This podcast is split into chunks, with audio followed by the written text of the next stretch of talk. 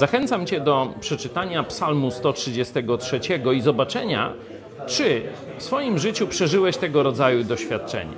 Tam Bóg mówi: Zobaczcie, jak jest dobrze przebywać razem z braćmi.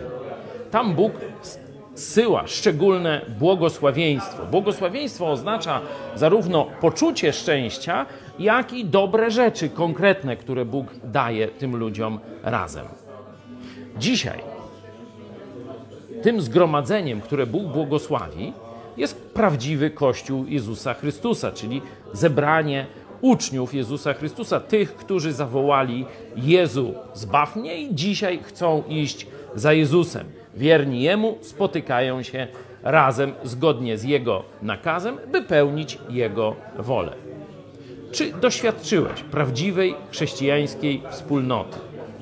Jeśli nie, to znaczy, że nie wiesz, co to znaczy szczęście w Bogu. Zachęcam Cię, żebyś pomyślał, czy życie takie, jak być może prowadzisz, tylko sam, najbliżsi, tylko o nich się troszczysz, tylko e, z nimi przebywasz, czy to jest rzeczywiście Boży plan dla Ciebie? Bo Bóg mówi jasno o szczęściu w społeczności braci. Dziś jest czas indywidualizmu i zamknięcia się w czterech ścianach. Ale tutaj jesteśmy razem prawie 200 osób i doświadczamy czegoś wspaniałego. Właśnie jestem w nocy po kilku godzinach śpiewania, modlitwy, dzielenia się.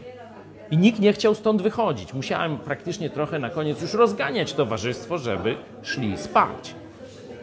Różni ludzie, lekarze, prawnicy, ale prości też rzemieślnicy, rolnicy i tak dalej.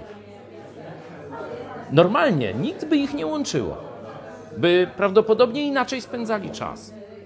A tutaj połączył ich Jezus i doświadczają czegoś wspaniałego. Jeden powiedział: Miałem jechać do Hiszpanii, ale przyjechałem tu i nie żałuję. To jest wspaniałe doświadczenie, które Bóg zaplanował dla człowieka. Na pewno doświadczyłeś już szczęścia w małej grupie, może z jedną osobą. Małżeństwo jest takim miejscem błogosławieństwa. Ale czy doświadczyłeś rzeczywiście szczęścia w kościele? Zadaj sobie to pytanie. To jest szczęście, które Bóg zamierzył, przeznaczył także dla ciebie.